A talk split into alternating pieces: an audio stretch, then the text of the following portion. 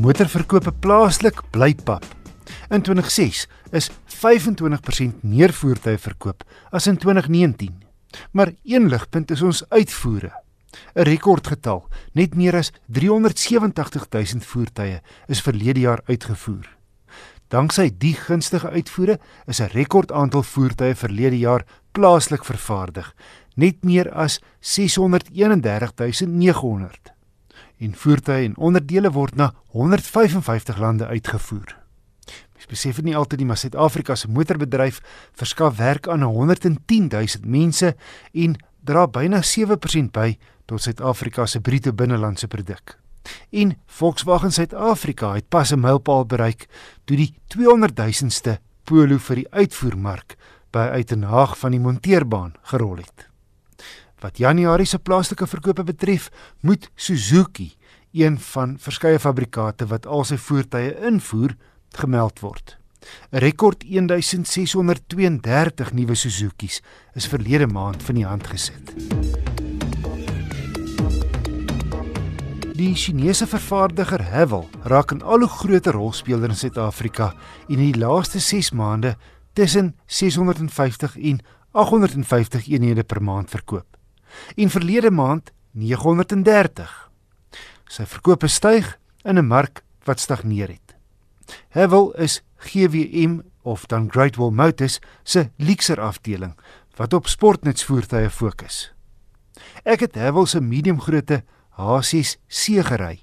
Hy ding mee in die Toyota RAV4, Hyundai Tucson en Mazda CX-5 klas. Baie netjies gestyleer met die daklyn wat agter effens afwaarts neig en 'n skouerlyn wat hoër loop na agter. Aantreklike 19-duim alloy wiele rond die nogal Europese voorkoms af. Net voorwielaandrywing, maar alle modelle bied op en afdraande beheer. Ek het die top luxury 6-spoed outomaties gery wat teen net oor die 400 000 met baie toerusting spog teen die prys. Leersitplekke reg rondom waarvan die twee voorstes elektries verstel. En dan kry jy 'n reuse sondak waarvan die voorste helfte so effens oopmaak. So is eintlik 'n panoramiese sondak met die voorste helfte wat 'n skreefie oopmaak na agter. Hier's verstommend baie spasie vir die insittendes. As ek nou as 'n lang ou my sit voorgekry het, pas ek maklik agter myself in met my kop wat nie die dak raak nie, my knieë nie die voorste sitplekke nie. Die bagasiebak is egter relatief klein met 'n redelike hoë oppervlak onder. Ander kenmerke in die luxury afwerking sluit in sleetlose toegang en aansluiting, dubbelsone klimaatbeheer, 'n banddrukmonitor en selfstel xenon hoofligte. Hy het verkeerssensors agter en voor met 'n driebeeld en 'n beeld wat vir jou wys wat links van die voertuig gebeur op die sentrale skerm. Ander veiligheidskenmerke sluit in ses ligsakke, blinde kol waarskuwing en stabiliteitsbeheer. Egter geen navigasie nie en die klomp skakelaars tussen die voorste sitplekke se funksies kon eerder in die raakskerm en op die stuur ingebou gewees het om meer stoorplek beskikbaar te stel.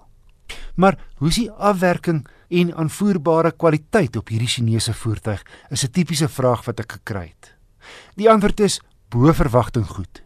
Strate beter as enige ander voertuig van ander Chinese vervaardigers wat ek al getoets het en baie naby aan die Japaneese en Suid-Koreaanse waans in die klas.